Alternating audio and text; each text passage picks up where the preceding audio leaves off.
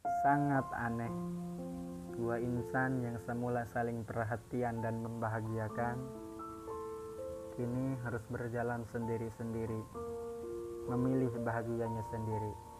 Meski dulu tak mau seperti ini, aneh memang. Dulu gak pernah lupa hal kecil, gak pernah lupa juga untuk ucapkan jangan lupa makannya dan minumnya dan jangan lupa juga jaga kesehatannya. Sekarang untuk sekedar menyapa aja lidahmu keluh rasanya. Apalagi tentang ini, tentang ruang chat yang sudah lama tak kita isi lagi. Bagaikan ruang kosong tanpa penghuni yang kini hanya menjadi kenangan dan juga rasa sakit. Dulu waktu kita diombang-ambing dalam satu fase yang mana kita tidak lagi bisa berbuat apa-apa. Mau maju terlalu abu-abu mau bertahan sakit dan mau mundur masih terlalu sayang rasanya. Sebelum fase itu harusnya kamu lakukan yang terbaik. Aku di sini yang masih bertahan sendirian, tercekik kerinduan antara Demak dan Bogor. Di sini jarak yang paling jahat, sangat jahat. Kukira dia akan membuatmu sering merindukanku dan menambah perhatian dengan kisah ini. Tapi jarak malah membuatmu nyaman dan terbiasa tanpaku.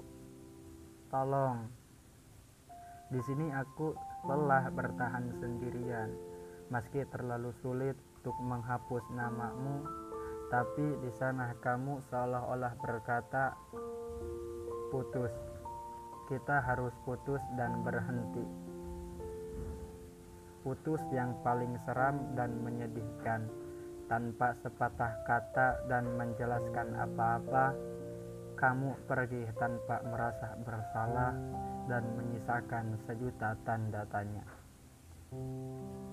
Yang dulu kamu jadi alasan bahagiaku, kini namamu jadi pemantik rasa sedihku. Tidakkah kau ingat, dulu kita punya cerita indah yang bisa diperjuangkan. Dulu kamu bilang, tidak ada orang seperti aku.